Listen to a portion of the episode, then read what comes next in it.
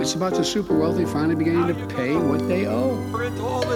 How much debt is too much debt? between our planet and our economy. How you gonna, how you gonna pay for it? Hej och välkommen till ett Economics som inte handlar om ränta och inflation. Ja, det var ett tag sedan, Ja, får man säga. utan om klimatet. Ja, vi tänkte att vi skulle ta en vända kring det igen. Det, Det har vi i och dags. för sig pratat om också förut, men Ja, det, Det händer mycket, grejer. det, är väl, det är väl kanske de två tyng, tyngdpunkterna som har legat senaste åren. ja, det skulle jag nog säga.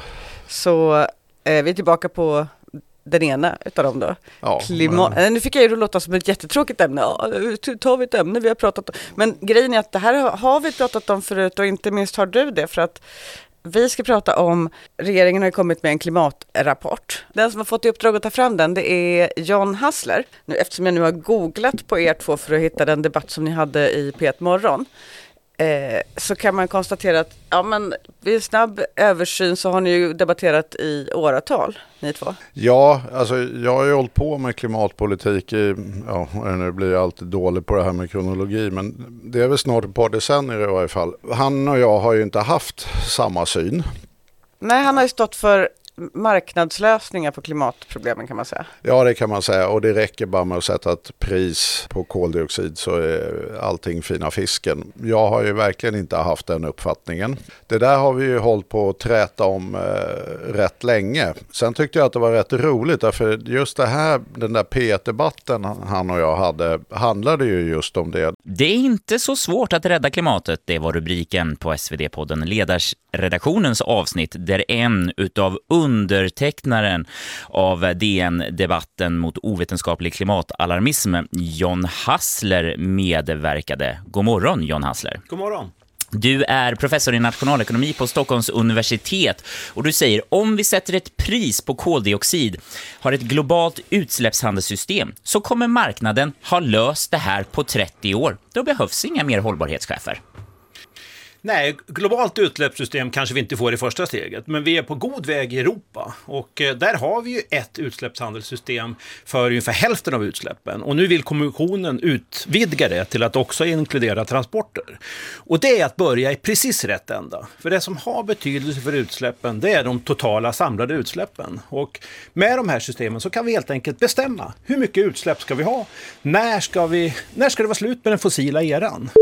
Fokus nu. Va? Och då handlar det helt enkelt om att det offentliga måste ta på sig ledartröjan och göra väldigt stora offentliga investeringar. Och problemet med den här prismekanismen och låta bara marknaden sköta det här. Det är ju det som Per Schools of Economics nu som en underlagsrapport till Glasgow konstaterar att det där systemet leder till att man lägger en fruktansvärt stor börda på de som har absolut lägst inkomster. Och i det här systemet så innebär det dessutom de som absolut släpper ut minst.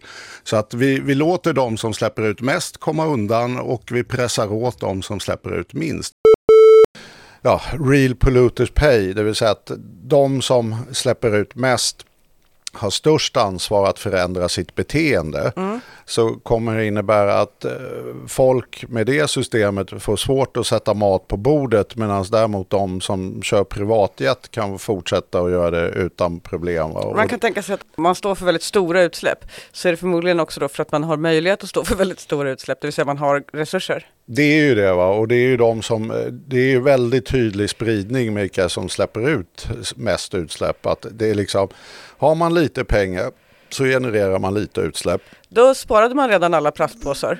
Ja, och inte bara det, man eh, flyger mindre, man kör inte bil, man åker kollektivt och så vidare. och Så vidare. Så att eh, det är en enorm skillnad mellan då låginkomsttagare och höginkomsttagare. Och dessutom är det ju så att höginkomsttagare har ju ett sparande. Eh, Det vill säga en buffert. Man, man, vi är ute efter egentligen förändrade beteenden. Ekonomin måste förändras i grunden och funktionssättet och att det här ska vi inte göra så mycket utav. Har man ingen buffert och redan konsumerar egentligen väldigt lite utsläpp, ja men då får du ju pressa det som är snarast livsnödvändigheter, det vill säga det är mat och bostad och så vidare. Medan däremot är du en höginkomsttagare eller väldigt förmögen, ja, men då kan du bara ta lite av ditt sparande och fortsätta och äta oxfilé och flyga privatjet och köra SUV. va. Så att då, då blir ju det här trycket på vem i samhället har en skyldighet att göra beteendeförändringar? Och då är ju liksom den här polluters pay, det vill säga att den som släpper ut ska betala för det. Den innebär ju då egentligen att de som släpper ut allra mest behöver inte ändra sin livsföring alls. Men de som släpper ut minst, de kommer få ett jättetryck. Och för att hantera det här, då måste man istället ha en helt annan approach än att bara använda marknaden som mekanism. Det är bra att det finns en ram, så det, det har jag inga problem med. Det han glömmer det är att fylla den där ramen med något innehåll. Va? Utan, äh, det vi bara prisar ut folk ur systemet. Och då vet vi vad fördelningseffekterna blir. Va? Eh, så att det vi måste göra istället är ju att aktivt ställa om ekonomin och se till att vi får beteendeförändringarna där vi verkligen vill ha dem. Och att den här omställningen är hållbar och fungerar i människors vardag. Att det är ju det som är tricket och då blir det plötsligt helt annan politik som förutsätter jättestor eh, investering i infrastruktur, elektrifiering. Det kommer innebära jättestora investeringar i utbildning, i omskolning. Vi måste ha en bra omställningsförsäkring. Alltså det, det vi står inför är en väldigt stor samhällsomvandling. Och där hade ju Hassler och jag en väldigt tydlig konflikt i det här att Asch, det där kan man ju bara prisa fram och det är ju nonsens. Sen så får man väl ändå säga det att det är ju trevligt när man får gehör för sina argument därför att han gick ju ut i en artikel innan han släppte den här rapporten och sa Nej men jag brukar ju driva linjen att det räcker med marknaden. Men det är ju uppenbart inte sant.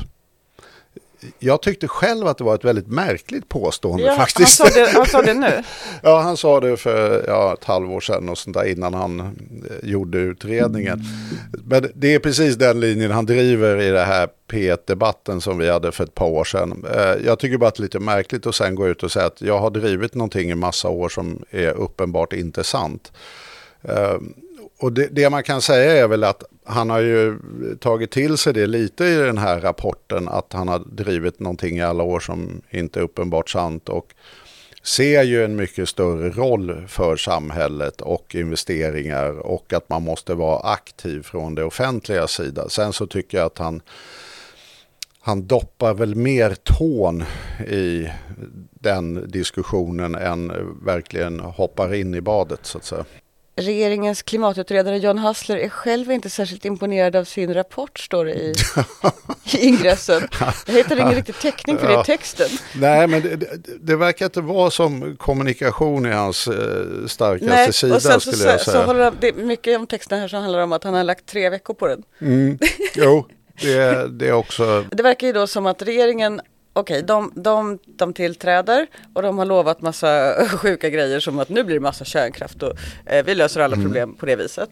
Och sen så har de inget direkt Nej. klimatpolitiskt. Så då måste de skaffa en klimatpolitik så då tar de några experter och så säger de här får ni 180 000 och tre veckor på er. Ta fram en klimatpolitik och så har de gjort det och så är det så ah, nej, det väl okej, tycker de som lämnade. Ja, fast jag- jag skulle säga att han har eh, liksom eh, översteppat sitt mandat egentligen. Han kom ju själv nu med ett 46-punktsprogram tror jag det var, eller 45. Eh, Han hade massa pigga idéer och det är ju precis som man säger. Eh, Och jag får väl hålla med honom. Jag är inte heller särskilt imponerad.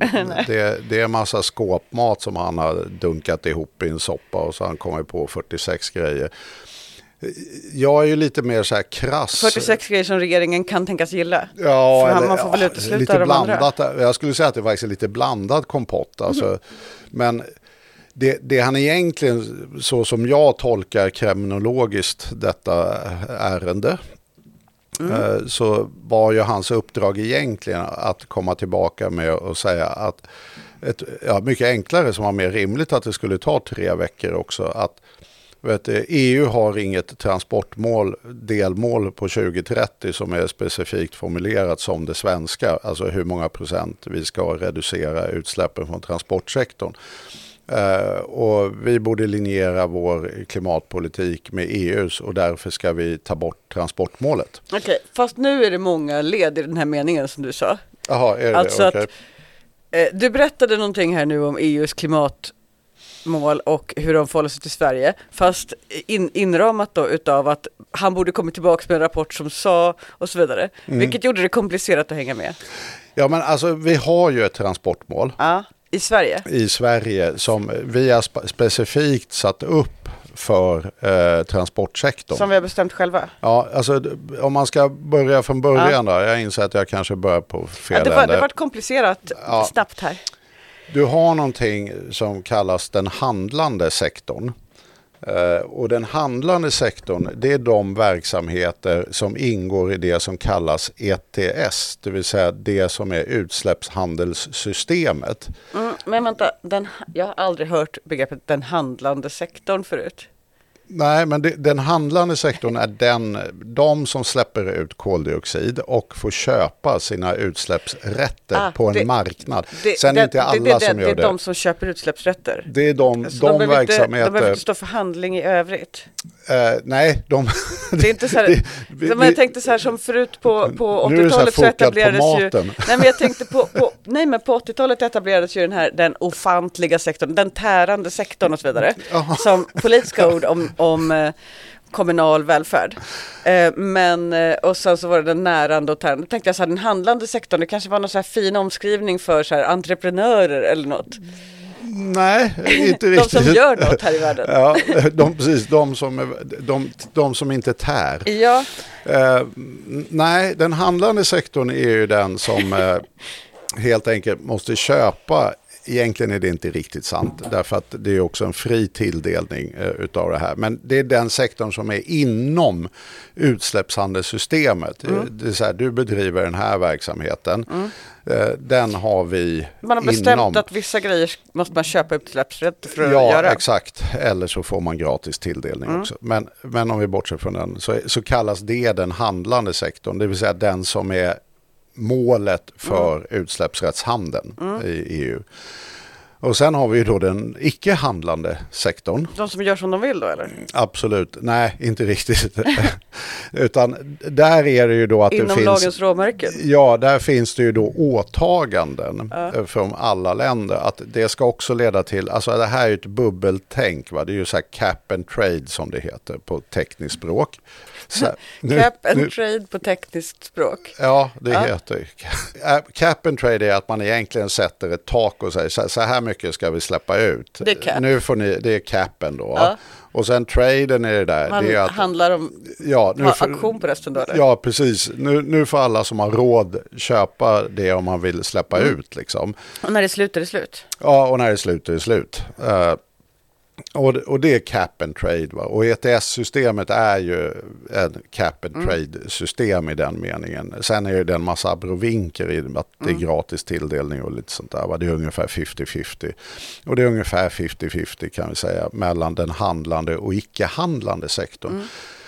Det som är då den icke-handlande sektorn, där har man gjort bubblor också som blir ett åtagande för varje land. Att ni ska nå det här i de sektorer som inte ingår. Och det handlar ju framförallt om, kan man säga, transporter och bostäder, är ju, alltså uppvärmning och så vidare. Det är liksom de stora pusselbitarna där.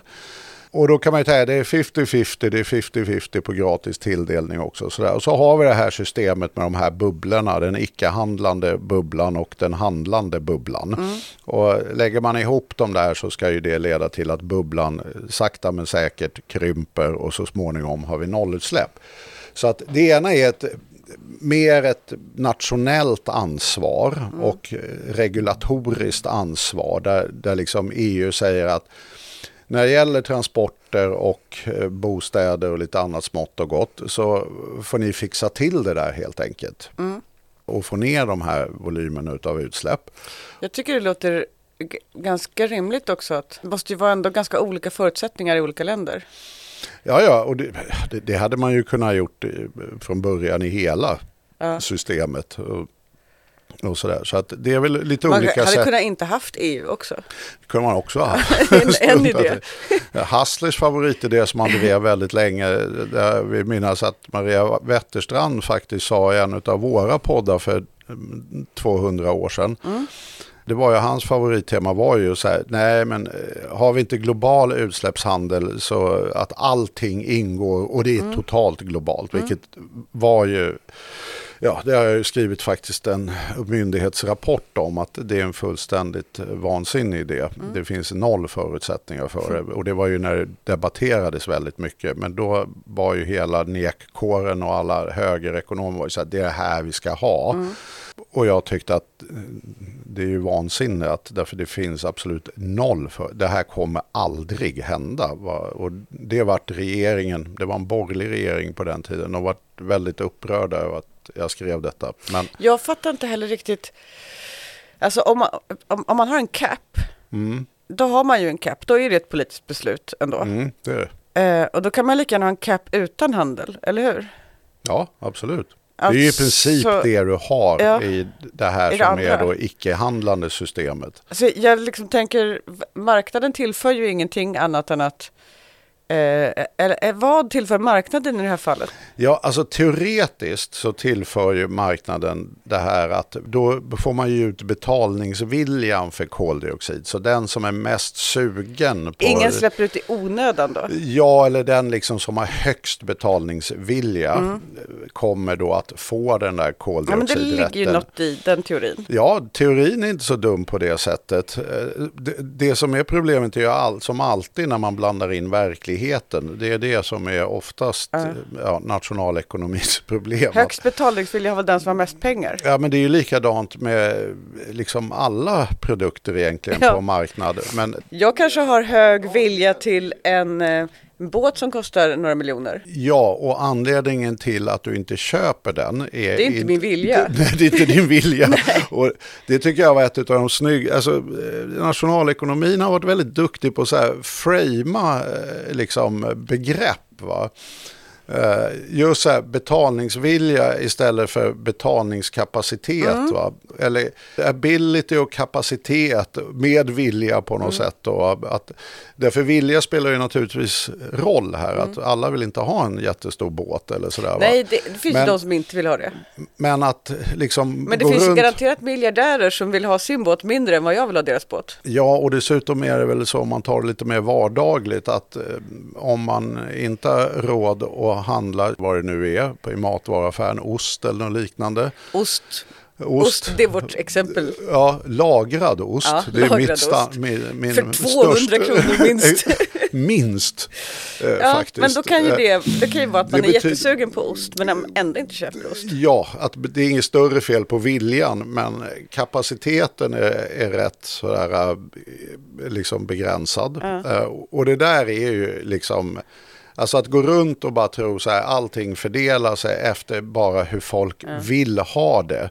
Och det där är ju nationalekonomins stora dilemma. Det är ju likadant när man tittar på arbetsmarknaden. Så här, vi ser att kvinnor har lägre löner än män och vi ser att de jobbar mer deltid. Det är därför kvinnor vill det. Alltså det, det är per definition ett uttryck för en vilja.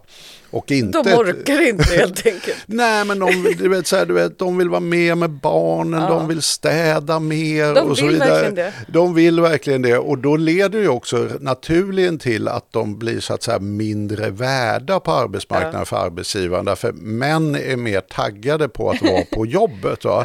De har aldrig sett en morsa komma tillbaka till jobbet från, från första föräldraledighetsperioden. Hur Ja. de glider fram Ja. i lyxmiljön som är utan snor. Och, Ja, exakt. Nej, men det, det, det är ju det här som är problemet. Att gå omkring och, och inbilla sig att allting är uttryck för människors viljor är jag lite tänker på. Succession igen. För att Mm. det finns, det finns en, en händelse som, som Logan Roy, patriarken där i familjen då, faktiskt ber sina barn om ursäkt för.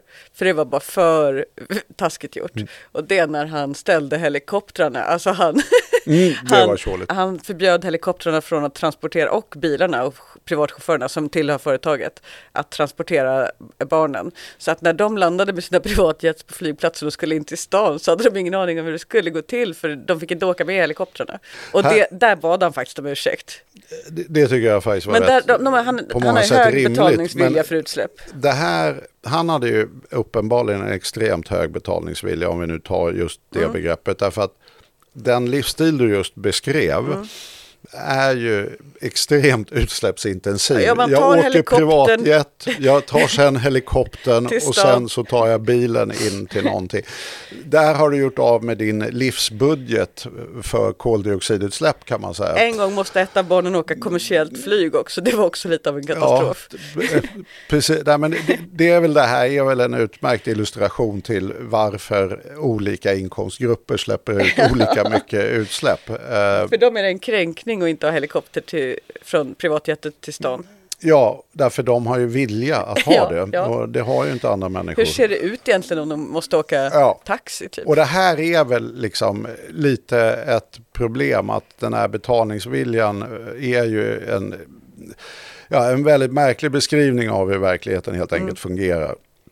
Eh, och särskilt om du gör det på global nivå, vilket jag påpekade i den här rapporten, så är betalningsvilja att man vet att man har olika prisnivåer i olika delar av världen. Att fattiga länder har en mycket lägre prisnivå.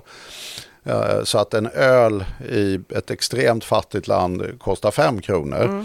Men den kostar 40 kronor i liksom ett rikt land. Nej, den kostar typ 90 kronor Okej, sorry. i Sverige. 90 kronor. Jag vet inte, det är jättedyrt med öl. Det, är, okay, Man det, går ut det här var väl lite av dina exempel Helge. Men absolut, den kanske kostar 90 idag. Kanske Eh, inte i i alla orter. Nej, jag dricker mest vin ska jag väl erkänna. Så att, vet du, men det var dumt att ta öl då. Men den, den kostar typ 90.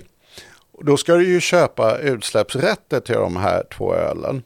Och så säger du så här, okej, just for the sake of argument, det plussar på fem spänn.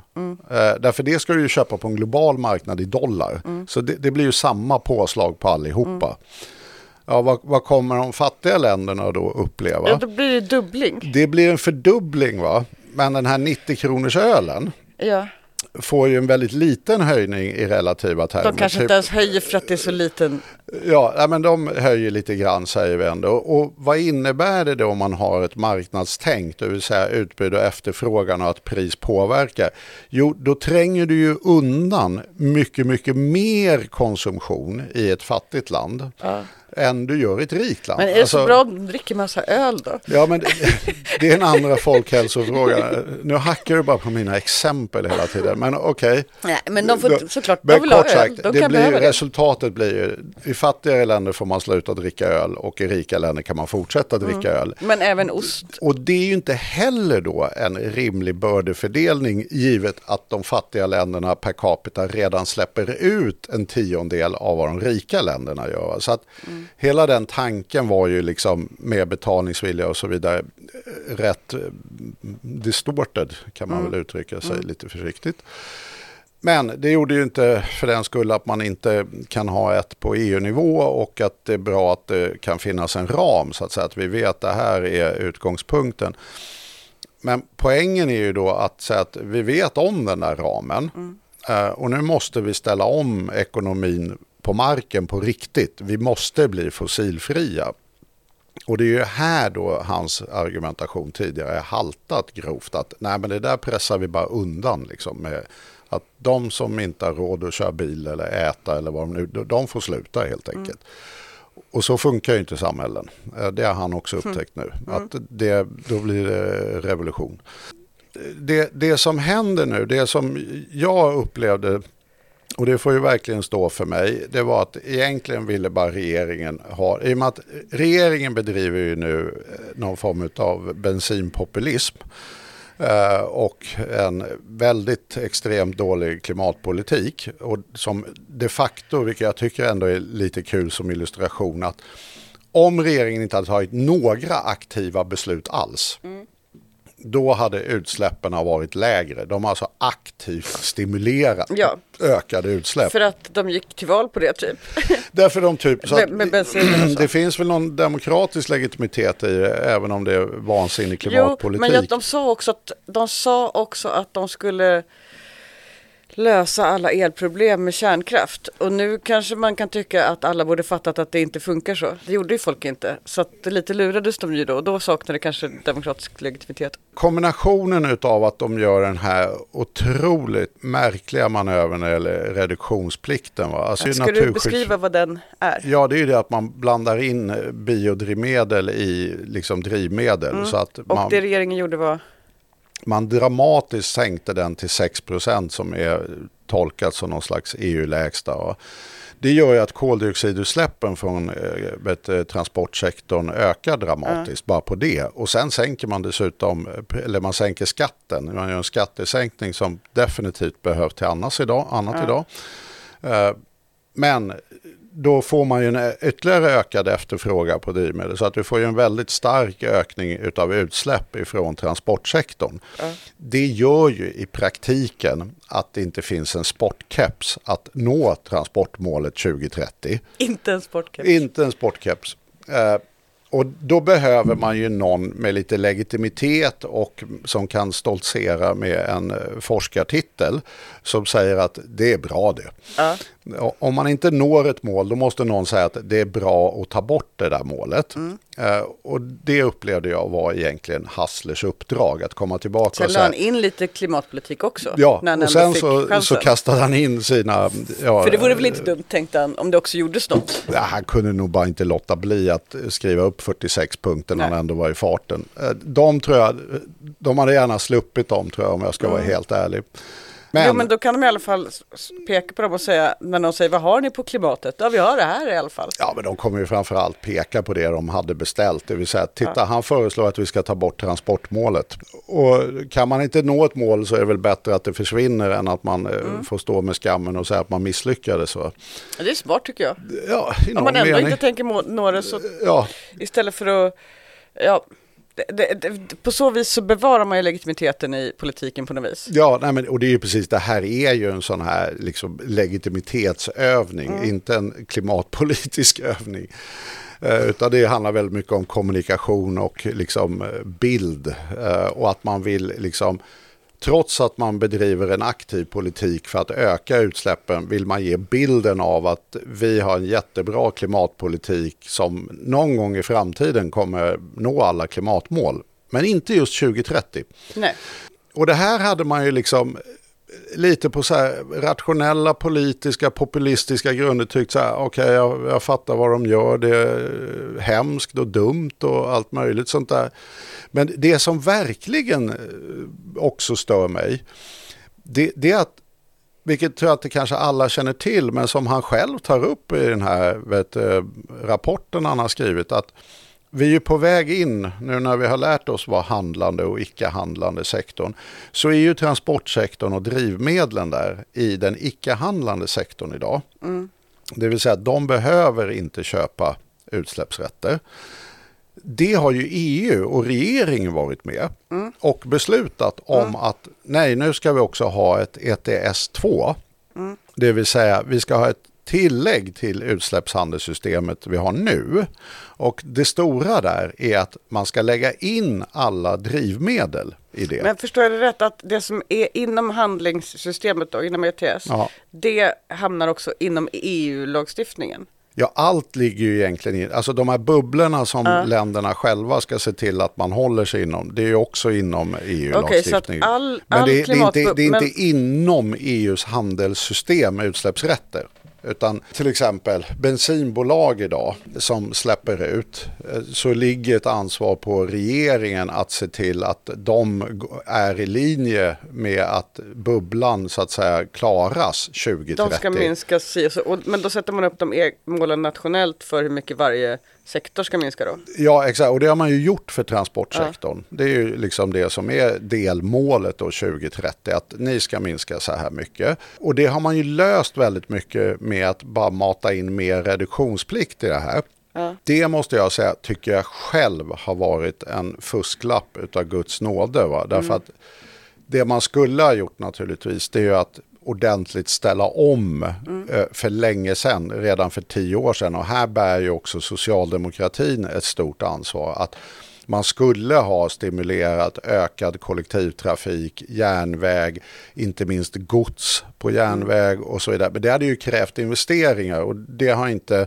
Det är ingen som har gjort. det är ingen som har gjort helt enkelt. Eh, Så, och då har ju liksom fusket för att få ihop kalkylerna blivit att vi blandar in mer och mer biodrivmedel. Där det till slut blev ju att sån här biodiesel så dammsög ju vi hela världsmarknaden och vi blandade in tidigare till och med så här palmolja som per definition var typ värre Mör, för mördar klimatet. orangutanger också. Ja, som var värre för klimatet än om vi bara hade kört på ren diesel. Va? Nu är ju det förbjudet, gudbevars, va? eller tur nog. Eh, Men det blev ju en helt ohållbar användning av biodrivmedel och det har ju Naturskyddsföreningen och många konstaterat det här funkar ju inte i längden, så här kan vi inte hålla på. Va?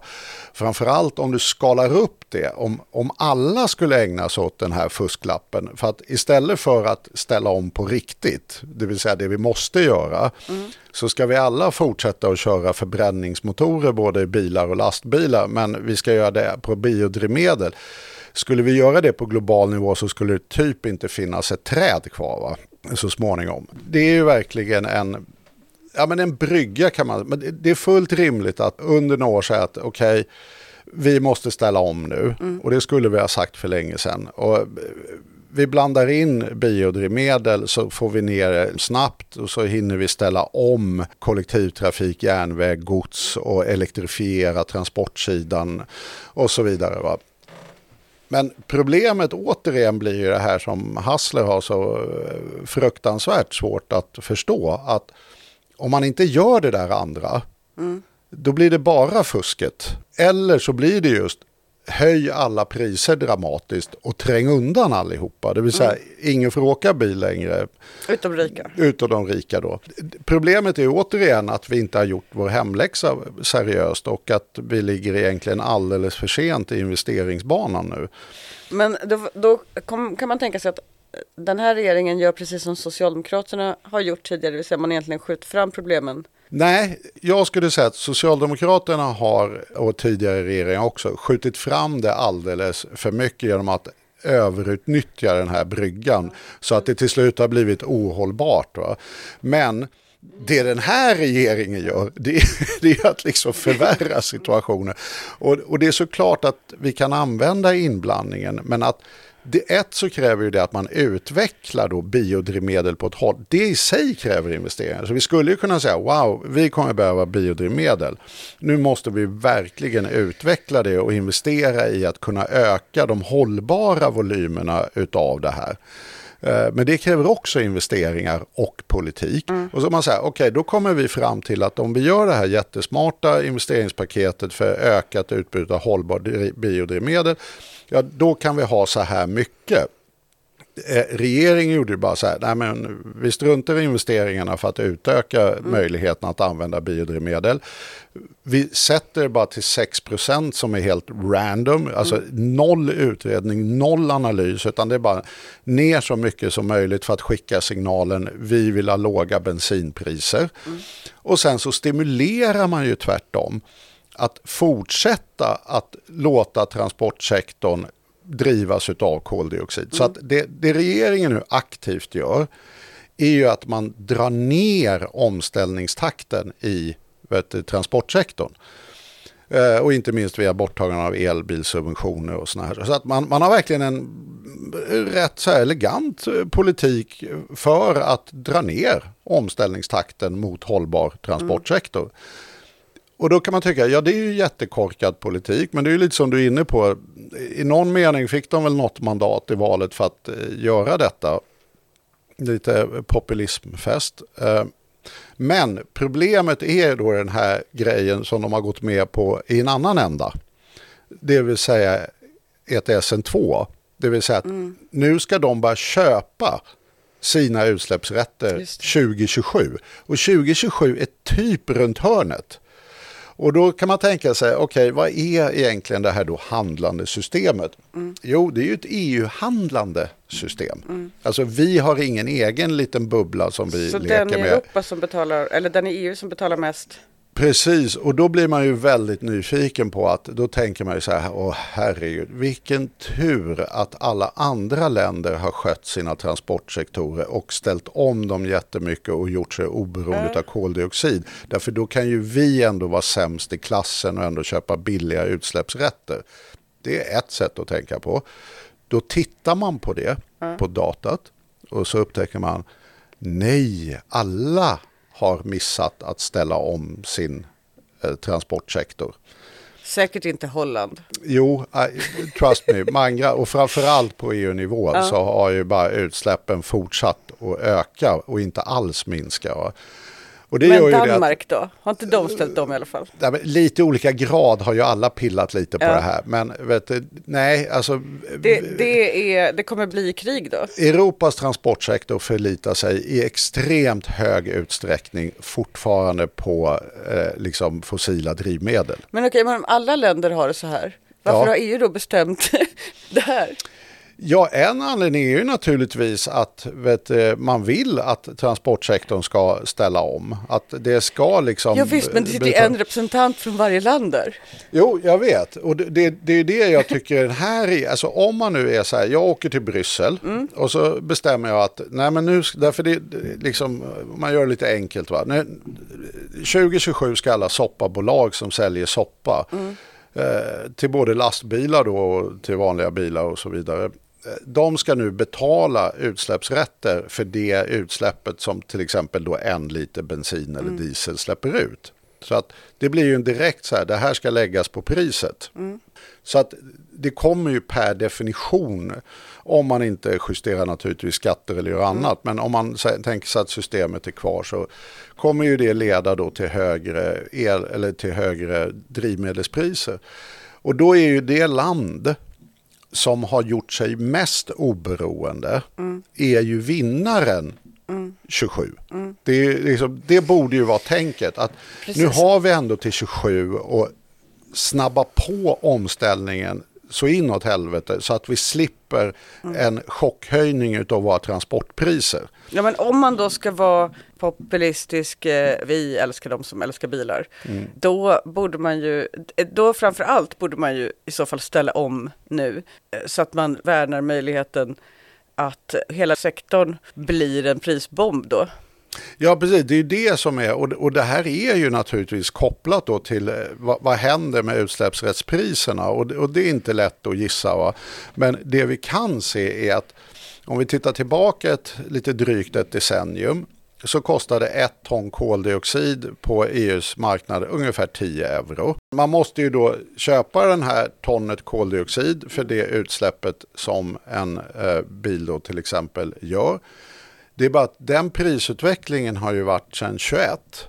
Så har alltså priset på utsläppsrätter gått ifrån 10 euro per ton till 80 euro per ton. Eh, Det är alltså det är en åttefaldigande utav priset. De här som har varit med i klimatdebatten länge, de, de har blivit så liksom centralbankstyper, du vet de här som man vill ha så låg inflation och så hög ränta som möjligt. Då, då är man en tuff central banker. De vill nästan ha så här, jag är för klimatet, jag vill ha så högt koldioxidpris som möjligt. Det var en logik som kom upp när man introducerade utsläppshandelssystemet. Därför då var nämligen priset noll väldigt länge. Och då inser man ju snabbt att ja, men noll är ju idiotiskt därför att då har du ju ingen styreffekt alls. Och det var ju för att de gav för stora volymer helt enkelt i bubblan. Så att då blev det en kultur av vi vill ha upp utsläppshandelspriset. Idag är det ju tvärtom. Alltså idag är det ju så här att ett extremt högt utsläppshandelspris det är ju tecken på att det finns en extremt hög efterfrågan på koldioxid. Det är ju det det är. Va? Och det är ju ett misslyckande i omställningen. Om vi ser liksom, om, om vi skulle till exempel ta in nu transportsektorn i ETS då 2 och vi plötsligt ser koldioxidutsläppsrättspriserna skena så är det ingenting man ska stå så här, gud vad bra, nu har vi ett jättehögt, nu blir det ordning och reda. Utan då ska man ju fatta, ja men det här betyder ju att vi inte har ställt om. Det, det är det som är slutsatsen idag. Eh, och inte det som var liksom, ja, för länge sedan när systemet en gång lanserades. Därför det var helt rimligt, naturligtvis ska det liksom inte vara noll för då har det ingen styrande effekt. Så att det- det jag tycker blir så eh, ologiskt med den här politiken är att man aktivt, och transporter är ju en väldigt stor del utav, alltså transporter står ju ungefärligen för hälften av hela det som är den icke-handlande sektorn. Och, Vilka är resten då? ja, Bostäder? men det är ju bostäder till exempel. Och, För bostäder borde ju vara en jättestor del också då. Ja, det är det ju. Det är, En gång i tiden så sa man ju eh, biffen, bostaden, bilen. Ja. Eh, de Och tre biffen, benen. räknas det som produktion och industri då, eller vadå? alltså för att jag tänker produktion måste ju släppa ut en hel del. Ja, men det gör det ju. Men en stor del av produktionen är ju i den handlande sektorn. Mm. Nu var vi ju på den icke-handlande sektorn. Eh, men vet du, så att det- som är då väldigt ologiskt är att det här är ju en väldigt stor del av den icke-handlande sektorn som i princip nu då indirekt via drivmedlet kommer komma in i den handlande sektorn. Eh, och givet nu situationen att mer eller mindre alla europeiska länder, inklusive Sverige, har misslyckats med att ställa om. Och det är ju det som egentligen regeringen nu då ytterligare förvärrar. Eh, Och det enda rimliga slutsatsen av det man själv har varit med och beslutat på EU-nivå är ju precis rakt motsatt. Vi måste sätta en sjuhelvetes fart på transportsektorsidan. Vi måste bygga så mycket vi bara hinner för att styra över till bättre och klimatsmartare transportsätt. Alltså allt ifrån gång, cykel, kollektivtrafik, järnväg. Alltså vad roligt det vore. Tänk dig Kristersson och Åkesson som står och håller pressträff bara. Nu ska vi bygga jättemycket cykel cykelbanor. Ja, eller liksom typ vi ska tapetsera landet med laddstolpar. Vi ska Ja. bygga ut energiproduktionen med eh, enorma satsningar på havsvind. Och, och- Mm. ja, och det ska gå tåg överallt och vi ska halvera Och priserna tågen i, ska komma i tid. i kollektivtrafiken och jäda. Alltså det, det är ju massa saker som vi har misskött grovt som vi skulle verkligen kunna sätta en turbo på. Det vore kanon. Ja, och givet nu att man har beslutat drivmedel ska in i utsläppshandeln Ja. så finns det ju otroligt rationella skäl Mm. för att om vi vill ha en vettigt fungerande transportsektor 27 så borde vi nog göra det här. Det här borde inte behöva vara så himla polariserat heller eftersom det är objektivt sant. Eller det är inte så här. eh, Behöver vi ställa om? Nej, säger en del. Alltså ingen säger att vi inte behöver ställa om alls. Nej. Utan alla borde ändå kunna, så här, vi, har, vi hittar gemensamma nämnare och ser vart vi kommer. Men så funkar inte riktigt politik. Nej, och dessutom är det väl så här, den enda rimliga slutsatsen av regeringens nuvarande kognitiva dissonans eh, är väl helt enkelt att de har inga planer på att vinna 26. Nej. Och då blir det ju nästa regerings... De får väl hoppas att de inte vinner 2026 för då får de ta smällen på drivmedel. Ja, exakt. Va? Då kommer 27 bli väldigt knepigt.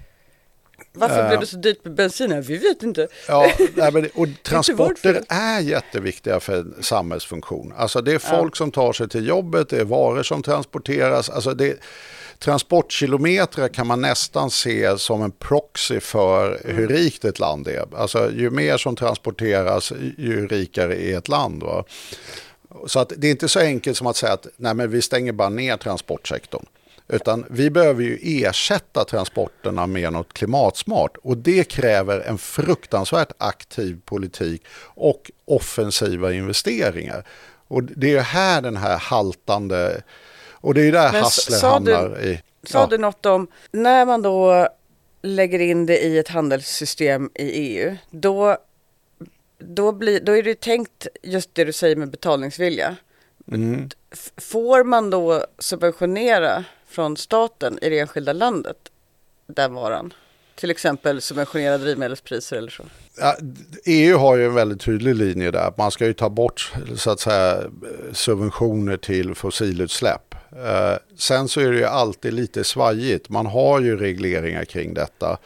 Men exakt så att säga gissningsvis så skulle väl alla länder typ lägga sig på om det blir den här chockeffekten. Nu vet vi ju inte vad utsläppspriset blir och så vidare. Va? Men givet att det redan har stigit 80-faldigat på bara kort tid, på ett par år.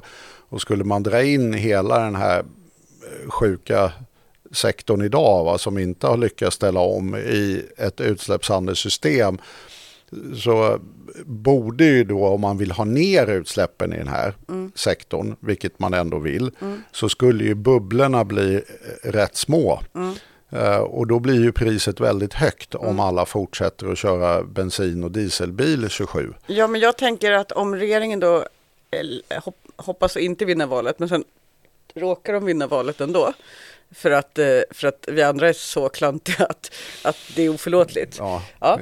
Ingenting är uteslutet. Ingenting är uteslutet. Sånt händer ibland. Sånt händer definitivt. Och, och då eh, kommer de bli sittande med det här och då kommer de vilja lägga hela det så kallade reformutrymmet, det vill säga ytterligare nedskärningar i välfärden på eh, att, att minska effekterna av det här kan man tänka sig.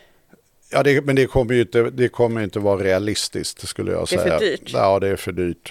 Ja men tänk om de lägger alla välfärdspengar på det här. Ja, nej, men det, det skulle jag säga, det är inte realistiskt. Och det, det är väl det som är även problemet nu, alltså, och även har varit för tidigare regeringar, att med det med det vet, eh, budgetsystem vi har, allting blir alltid landar i så teknikaliteter liksom, så ska man ju ta alla investeringar på löpande räkning. Så att, jag menar, om staten vill bygga Öresundsbron, bara för att ta ett exempel, ja, men då fakturerar ju de som bygger den, eh, säg månadsvis, här kommer fakturorna in.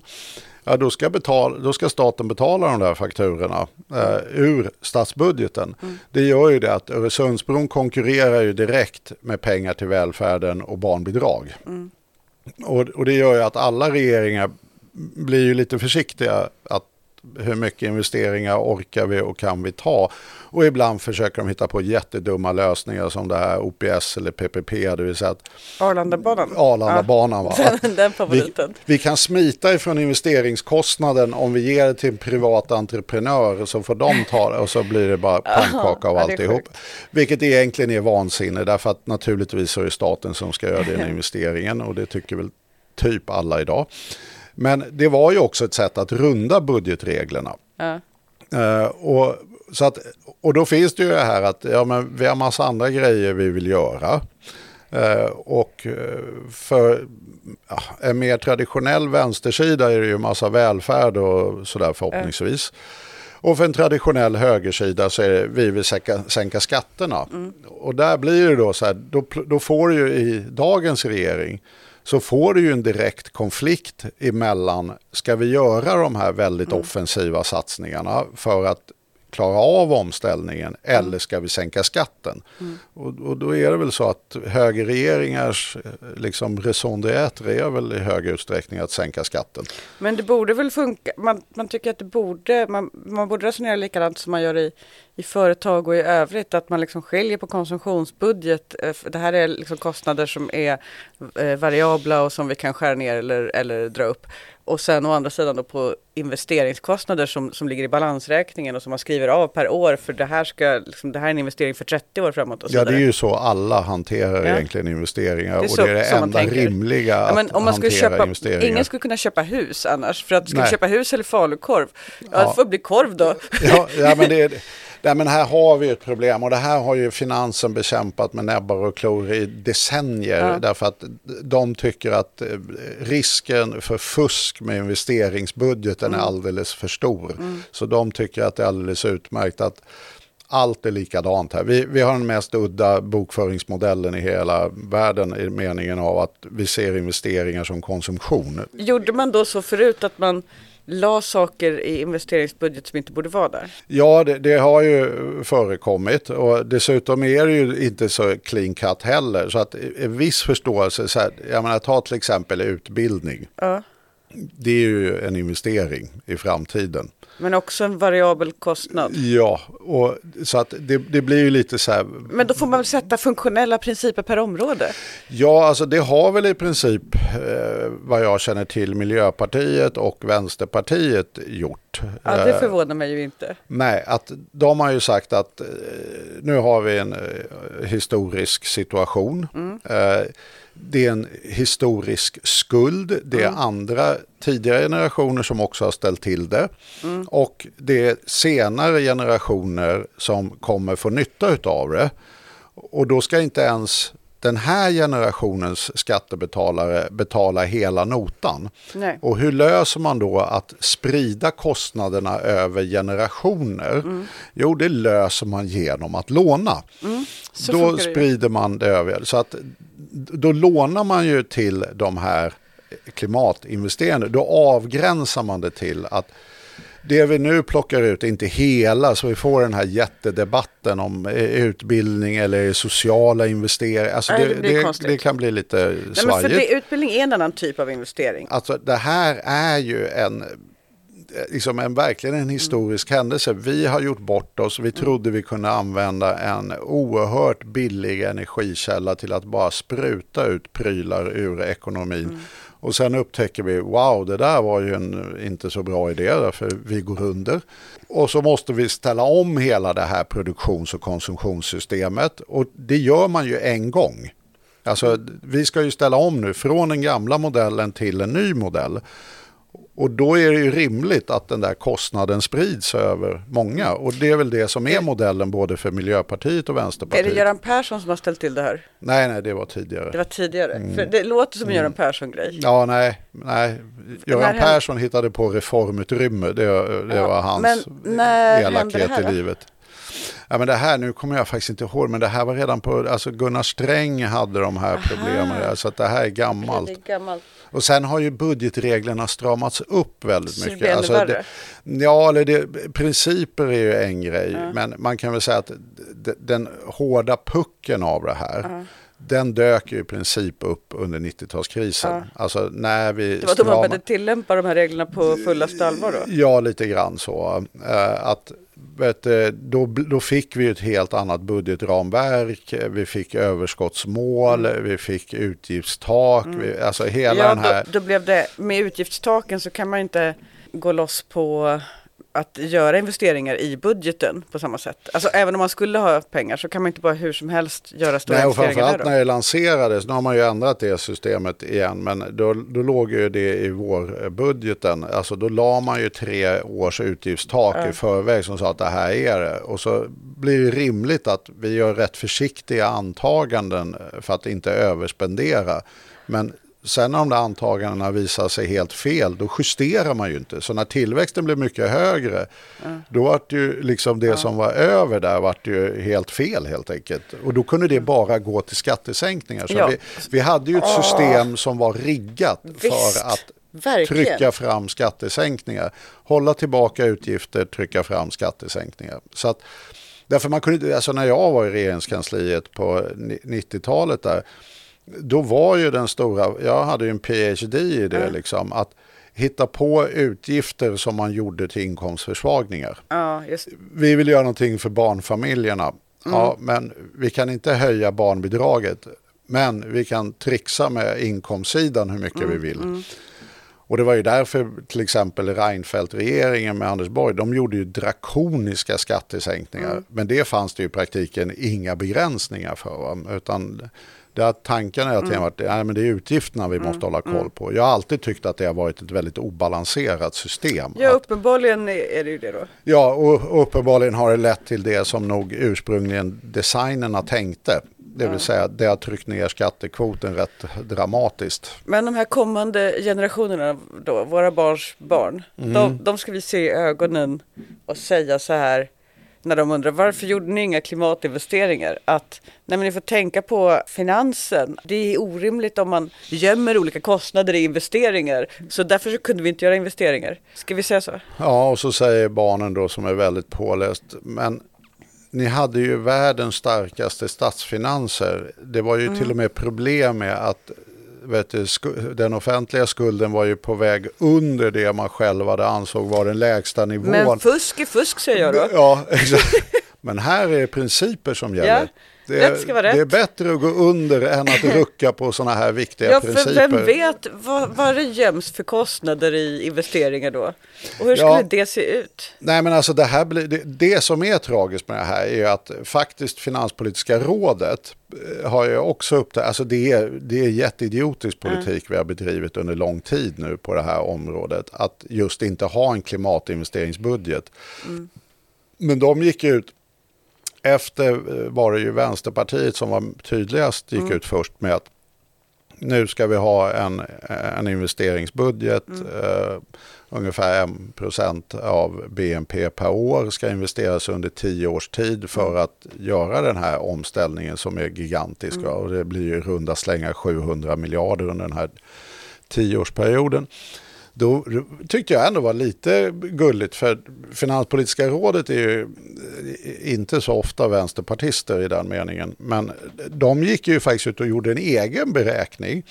Eh, Då, de kunde gärna inte ta Vänsterpartiets siffror därför det hade ju sett illa ut. Men de gjorde åtta år.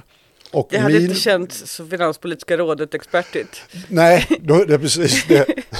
Vi, vi måste ändå ha lite andra, men principen var exakt likadan. Det var åtta år, om jag inte missminner mig nu, 0,7 i underskott till investeringar i klimat, eh, eller klimatinvesteringar. Eh, Och de var ju så här, ja, det här är nog vettigt. Det här borde man nog göra. Så att det, det är inte så, så att det är en superapart uppfattning. Eh, man får ju ändå tolka att eh, Finanspolitiska rådet är väl typ det mest mainstreama vi har. Så att det, det är ju någon catch-up-effekt här som eh, saknas. Och det, det värsta är att den här man kan ju tycka att vi står och skakar den här flaskan och sen vet vi hur ketchup agerar och plötsligt kommer allting. Det är en rätt viktig aspekt hur länge du skakar den. Alltså jag tror att någon kommer väl vakna upp någon gång. Va? Men Ja, för det känns ju inte som att någon har några jättestarka objektiva intressen mot det här. ja, det tror jag i och för sig det finns. Därför det är ju en direkt konflikt med skattesänkningar som det ser ut nu. Ja, fast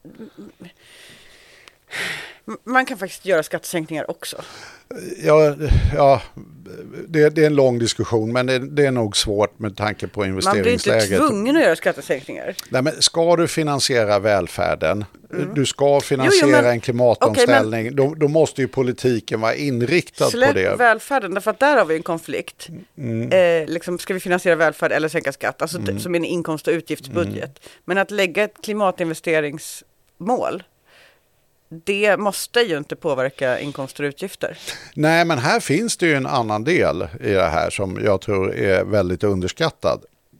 Det är att de här investeringarna kommer göras. Alltså förr eller senare. Alltså och, och, då senare med allvarliga konsekvenser. Därför här är förr eller senare en väldigt viktig aspekt. Ja, men, och då Men- kan det bli i konkurrens med skattesänkningar eller välfärd. Nej, det är det som är tricket. Va? Därför att om man väljer senare, då kommer det förmodligen bli privata lösningar.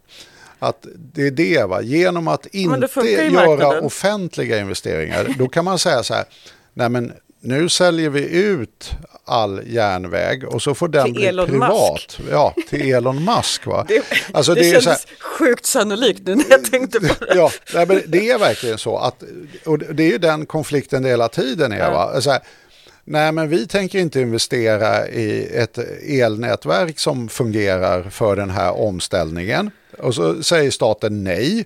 Och till slut så kommer ju företagen säga, ja men vi kan göra det. Ja, d- Därför vi behöver faktiskt el. Så investeringarna kommer förr eller senare komma. Eh, Men om man inte gör dem från offentlig sida, då kommer de göras från privat sida. Och då får vi ju Arlandabanan på elnätverkssidan. Vi ser ju bara hur regionnäten har agerat. Va? Det, det enda det leder till att vi får ett monopol som rånar hushållen. Va? Och det där kommer ju bli så med all, all infrastruktur. Och det har ju, om man ska vara lite elak nu, Moderaterna inga problem med. De, de, är ju lite så här, varför ska staten äga någonting? Och Det finns sjukt goda skäl varför de ska göra det. Men ja, de är inte riktigt med på den banan. Eh, Och då får man ju en privatiserad offentlig infrastruktur som privata företag kan monopolprissätta och tjäna grova pengar på. Kruxet är naturligtvis att det här kommer att göra att hela klimatpolitiken försenas i decennier och att vi aldrig har en chans att nå de eh, uppvärmnings, eller uppvärmningsmål eller koncept, men begränsa uppvärmningen av planeten till rimliga nivåer. Och det har ju andra sagt att, jag menar, håller vi på så här, ja men då är vi på väg mot tre grader. Eh, med alla de effekter det får. Men det känns ju lite som att demokratin står i vägen för klimatmålen här nu då. För att säg att man inte bryr sig om någonting annat än klimatet. Att det är det enda man tycker är viktigt. Och att man skiter i huruvida man har eh, massa sjuka privata monopol på olika elmarknader. Eh, spelar roll, vem bryr sig tänker man. Man vill bara rädda klimatet för det är ändå så här överlevnad och så. Då skulle man ju ändå, då skulle man ändå kunna tänka sig att då ger vi ett klart besked. Ni får bygga det själva, ni kan inte sitta och vänta på att staten gör det. Men det kan man inte göra i en demokrati. Nej, men dessutom så gör man ju inte det. Alltså det är det som är problemet. Att någon måste ju ta steget. Jag träffade Volvo för ett antal år sedan, Volvo-ledningen i en annan kapacitet. Och vet, eh, de var ju jättetydliga. Det här är ju systemeffekter. Ja. Alltså, vi kan ju bygga en elbil. Men om det inte finns en fungerande laddinfrastruktur och billig el, då är det ju helt pointless för oss att bygga en elbil. Så någon måste ju ta systemansvaret. Att de privata företagen är inte, gud bevars, systemägare utav samhällets infrastruktur. De kanske är det om 30 år, men de är inte det nu. Va?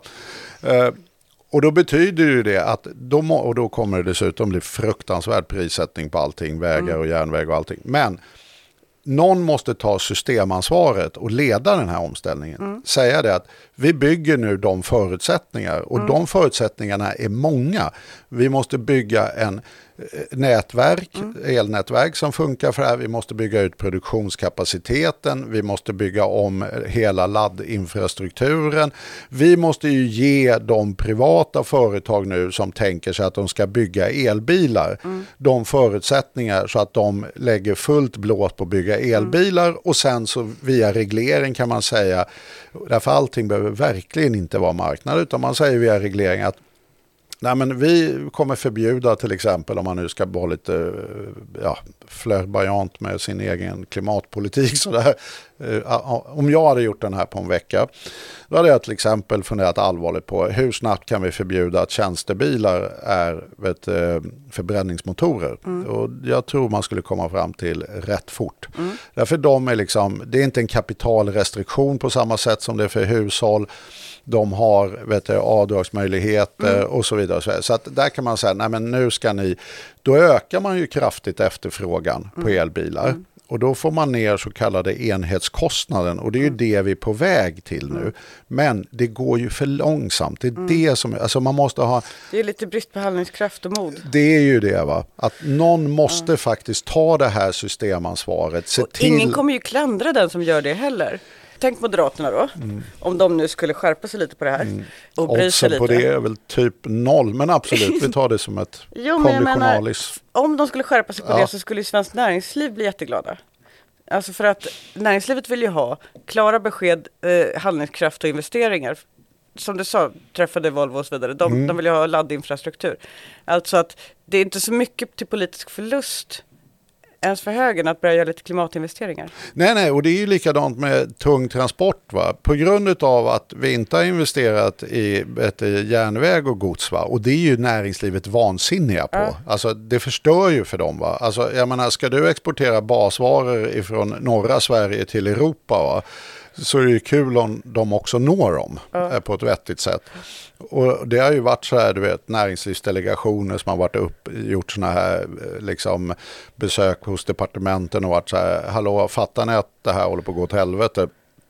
Eh, Så att vi har ju grovt underinvesterat så att näringslivet tycker att just den här plattan som jag som företag agerar på. Det, det är det. Vi älskar ju att se liksom entreprenörer och företag som så här, vi sköter oss själva, vi är kings of the hills. Men det visar sig ju gång på gång att det är bara är snömos. Utan de jobbar ju i en platta och den plattan är offentliga investeringar. Det är inte minst offentliga investeringar i utbildning. Alltså ett företag behöver Absolut. utbildad arbetskraft. Ja, vem är det som ska leverera det? Jo, det är ju staten. Så de som är inne i företaget har ju staten i någon mening då levererat den kompetensnivån som krävs för den produktionen.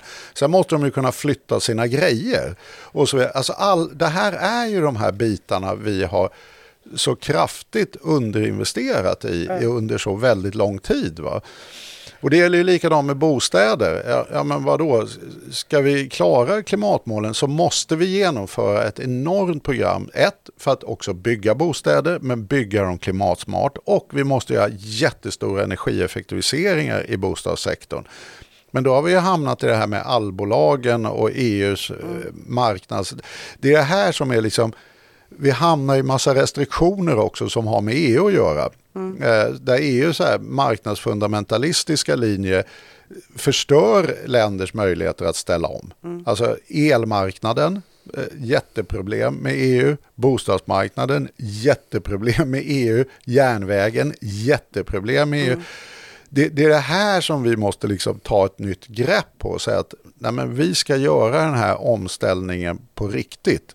Och det kommer att kräva jättestora investeringar, jättestora omställningsinsatser eh, på utbildningssidan, på arbetsmarknadssidan. Vi måste ha en bra omställningsförsäkring. Vi måste se till att folk har någonstans att bo och kan flytta till jobb. Alltså det, det är verkligen ett, ett samhälle som ska omdanas.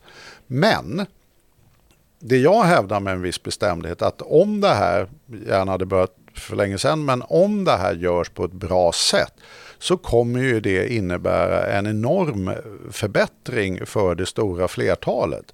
Alltså man får renare luft, man får bättre miljö, man får vet, eh, tystare bilar, man får bättre Tåg kollektivtrafik, man får tåg som går i tid, man får billigare kostnader för att transportera sig klimatsmart, till exempel genom halverade kollektivtrafikavgifter.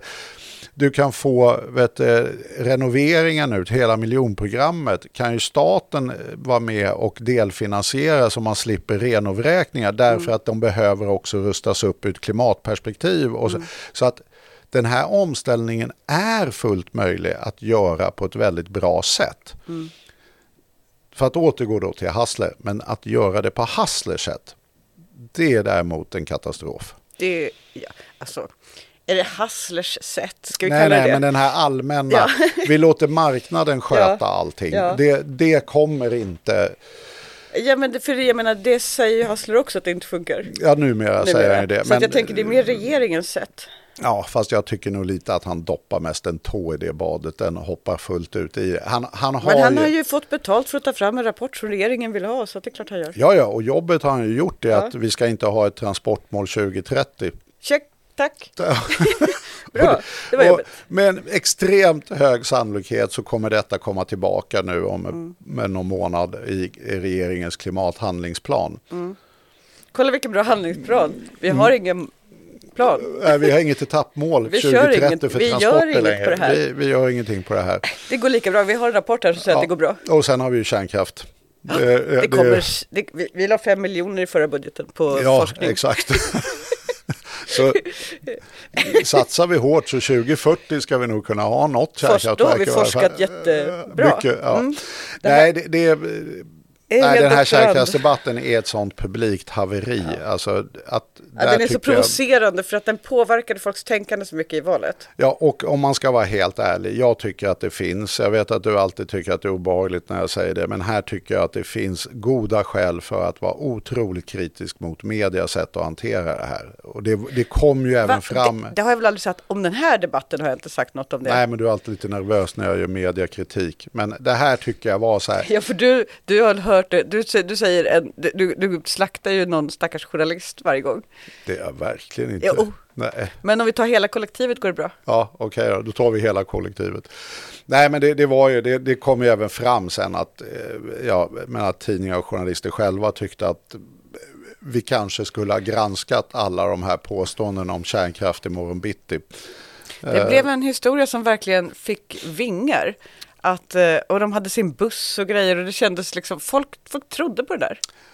Ja, Alltså där får jag erkänna att jag gjorde en felbedömning. Jag tyckte när de började dra upp det där att det där är för dumt och orealistiskt för att få traction. Men det, man, Ja, och jag det är mycket också, grejer man har fått men omvärdera. radioaktiviteten då? Och sådär. Jag tänkte Ja. lite att sånt fanns i vårt, i vårt folkminne på något vis. Men det gjorde det, gjorde det kanske inte. Nej, men jag var ju mer inne på timelägen. Att det, det, var, det var ju så här larvigt att under en akut energikris som har med att vi inte har ställt om våra liksom, energisystem i Europa och sen när Ukraina, när Rysslands anfall på Ukraina eh, liksom avslöjar detta genom att eh, när fossilen slutade rinna in i Europa blev det prischocker.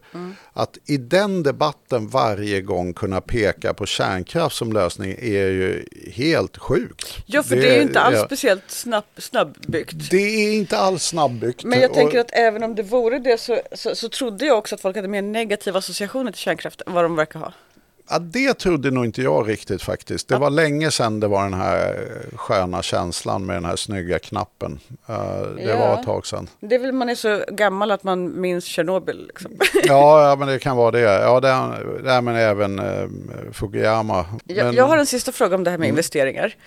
F- Bara för att förstå hur, vad man kan göra och inte. Och det är, okej, man ska inte bara sprätta massa pengar på vad som helst, hur som helst och sådär. Nej. Men, men pandemin då, då kunde man ju det. Ja, det kunde man ju, men det, det visar ju liksom att det är såklart att om regeringen eh, vill göra någonting så kan den ofta göra det. Men den måste ju ha legitimitet för att göra det. Och majoritet. Och majoritet, både legitimitet och majoritet. Och, och, och det är väl just det som haltar så mycket nu. Att jag blir ju själv lite lätt deprimerad när man tittar på alla de här valdatat. Och så går nog den allmänna medelklassen och borgerligheten runt och tänker att vi har en Greta-generation. Eh, framförallt vid valet trodde man det. Och sen så tittar man på valstatistiken så upptäcker man att nej men det är ju en Jimmy-generation. Ja. Det, de som gick och röstade förra valet, det var en Jimmy-generation och det är väldigt, väldigt läskigt eh, tycker jag. Därför det blir så olika bilder. Liksom.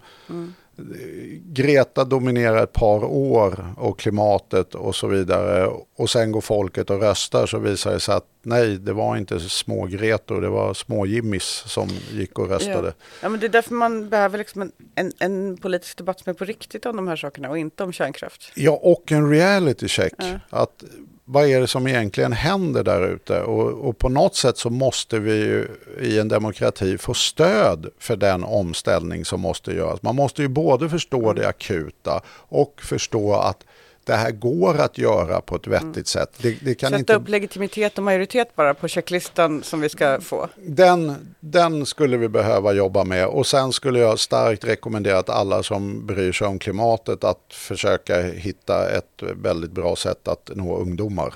Eh, därför det Nej men alltså så här tror jag. Så här Den. tror du? Ja. Det är bra. Nu är vi på Ja. avdelningen killgissningar och spåning. Nej, nej, nej. Nej. Vi är på avdelningen ehm, kvalificerad analys. Jaha, okej. Ja, det, det, det. Det, jag, jag brukar också kalla det för det. Ja. Nej men vi har, för att Jimmy-generationen, om vi, alltså vi pratar om de som då gillar Jimmy Åkesson jättemycket, bryr sig inte jättemycket om klimatet, det är inte deras främsta fråga. Nej. Vi har å andra sidan en massa andra ungdomar som bryr sig jättemycket om klimatet, men det finns inget politiskt alternativ som löser det problemet åt dem, som de ser det. Så att jag tänker att man behöver inte få fler, alltså man behöver inte få folk att bry sig om klimatet, det tror jag inte. Jag tror att man behöver en politisk riktning som känns trovärdig för att de som bryr sig om klimatet ska kunna mobiliseras och rösta på det. Ja, alltså det, det, det är ju det som jag tror är det stora dilemmat. Därför att alltså, ska man vara lite ärlig så har ju de här eh, klimatungdomarna och Greta-gänget har ju rätt på ett övergripande plan. Jag menar, om du tittar på de totala globala utsläppen så är vi inte i närheten av någon kurva som skulle leda till att den här planeten överlever. Så att uppenbarligen på global nivå har vi en sån enorm hemläxa att göra. Va? Jag menar, det var ju även ekonomer som upptäckte tidigt att efter vi tog beslut eh, i Kyotoprotokollet att vi måste få ner utsläppen så var det inte bara det att de fortsatte att öka utan ökningstakten ökade. Och, och det kan man väl säga är ju lite kontraintuitivt och dumt i det läget. Och det, det gör ju. Den globala utsläppskurvan är inte vacker, så enkelt är det. Så att vi har verkligen inte gjort det vi behöver göra och i den meningen har de rätt. Eh, Det, det jag tycker de avsaknar och som man kanske inte ska lägga som krav på dem heller, det är ju det är precis det du är inne på. Det måste ju finnas en vision om att det finns ett bättre samhälle som är hållbart och som många människor kan känna sig identifierbara i. Alltså så här, du vet att ja, men den här livsstilen ni utmålar nu, eh, den tycker jag verkar rimlig och bra. Och därför tycker jag att det är bra att vi gör den här förändringen av samhället. Det som jag tycker blir att det blir lätt att det blir en sån här dikotomi mellan två olika läger där den ena säger vi ska inte göra någonting om man nu ska förgrova det.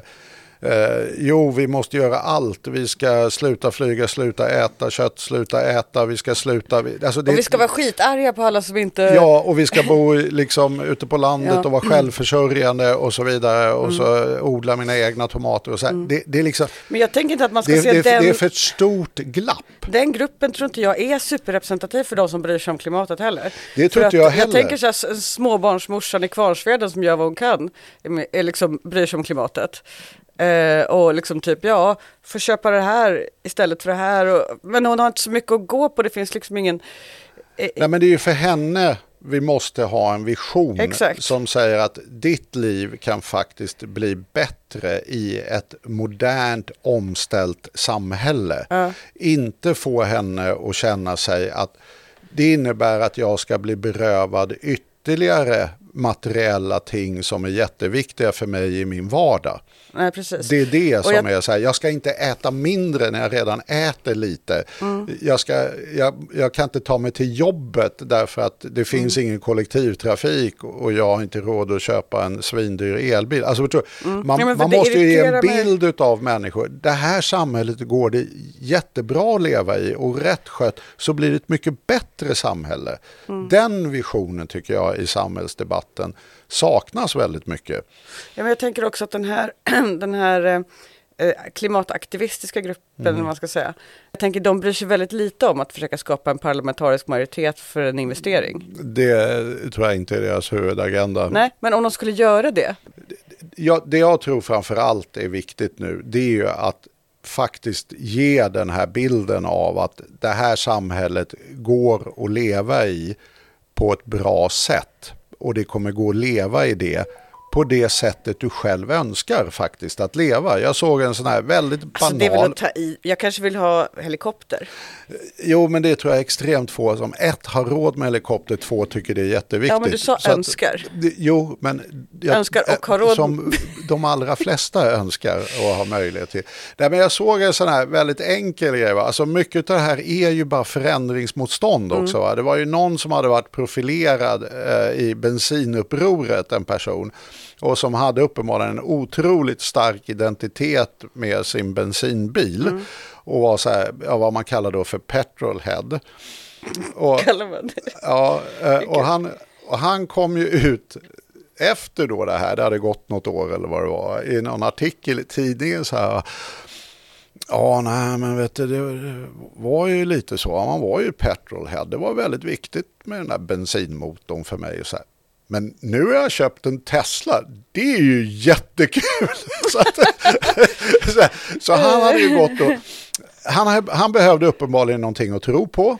Ja. Eh, Han trodde på bensinbilen. Eh, Någon hade övertygat honom att prova en elbil. Det var ännu roligare. Och det var ännu roligare. och nu var han elbilsentusiast och kunde sublimera in sitt bensinberoende Mm. in i en elbil och skaffa sig en ny identitet i form av istället för petrolhead eh, elbilsentusiast. Eh, Varför inte? Ja, det, det är ju sånt här vi måste säga att jo men det finns, sen kan ju naturligtvis inte alla göra det. Jag, jag inser att det inte var kanske en jätterepresentativ eh, historia. Men jag menar Men bara om, att om, om, eh, om ens passion är bilar. Ja, så gick det uppenbarligen att eh, tillfredsställa din person, eller passion och identitet fast på ett betydligt hållbarare sätt än han gjorde tidigare. Och han hade säkert någon V12 eller någonting som släppte ut hysteriskt mycket om man nu älskade bilar. Så att det är det här vi måste klara av att ge en vision utav. V12, vad skulle man ha? Det... Ja, nej, så att, ja. Nog om det, men det, det är väl det vi egentligen står inför. Att eh, det finns verkligen inte brist på förslag eller pengar eller bra saker att göra. Det som det finns brist på är politisk legitimitet, politisk förståelse och politisk handlingskraft. Det finns Så är en det. enorm brist utav. Och också kan problemet vara att du dricker vin istället för öl. Som släpper ut Mm. tre gånger så mycket koldioxid per liter. Det här är den här alkoholgrejen också. Du vet, så här, de försökte säga det att det är inte alls mycket kalorier i öl. Det är bara lite mer kalorier i öl jämfört med vin. Stämmer. Men grejen är ju den att man dricker inte tre liter vin som vissa gör i form av öl på en fredagkväll. Du kan ju inte jämföra liter mot liter. Nej, därför det är helt olika men, saker. Men du håller väl med om att det inte är dubbelt så mycket, alltså, alltså om vi ska vara lite krass här handlar det här om alkoholhalten i vin är lite högre och därför dricker man inte lite, lika mycket. Exakt. Men den är inte så mycket högre. Starkvin kanske, men, men då är det också ännu högre koldioxid. Jo, men en stor stark på den gamla goda tiden Ja. Mm. var en halv liter. Och ett glas vin är väl standardglaset 15 centiliter. Så att det är massa vätska för att komma upp i en halv liter helt enkelt. Men per, du får tänka alkoholprocent. Ja. Nej, jag, Att säga att det är, vad kan det vara, 8-9 procent då i ett vin? ja, det är väl 12. Är det 12? Mm. Okej, men då kanske jag har fel då.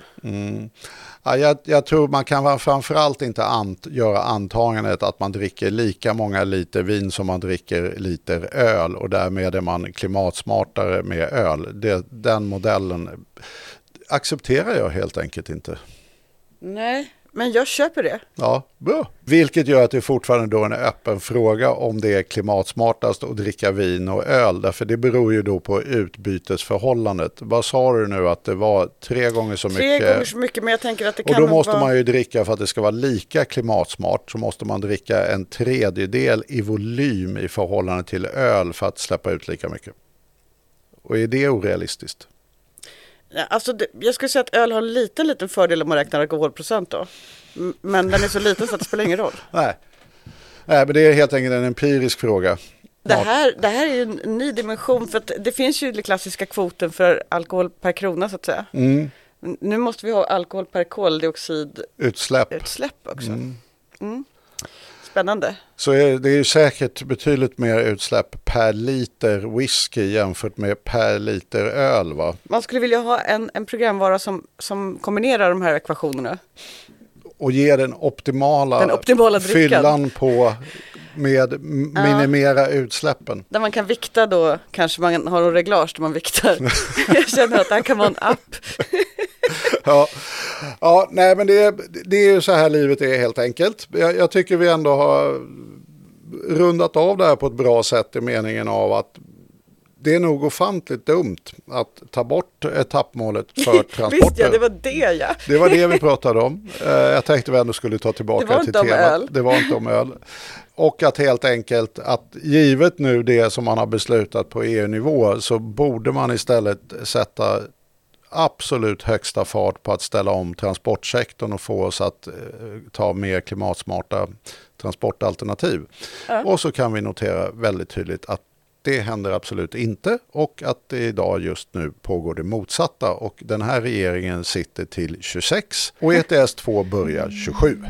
Vilket gör ju att vi har ju lite problem. Ja, ska du svara då så avrundar vi här Ja. och eh, nästa podd blir på vänsterdagarna för de som är där. Kan man komma Ja. och kolla.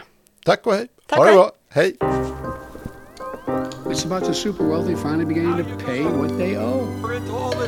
How much debt is too much debt? Our planet How you gonna- and our economy. How you gonna? How you gonna pay for it?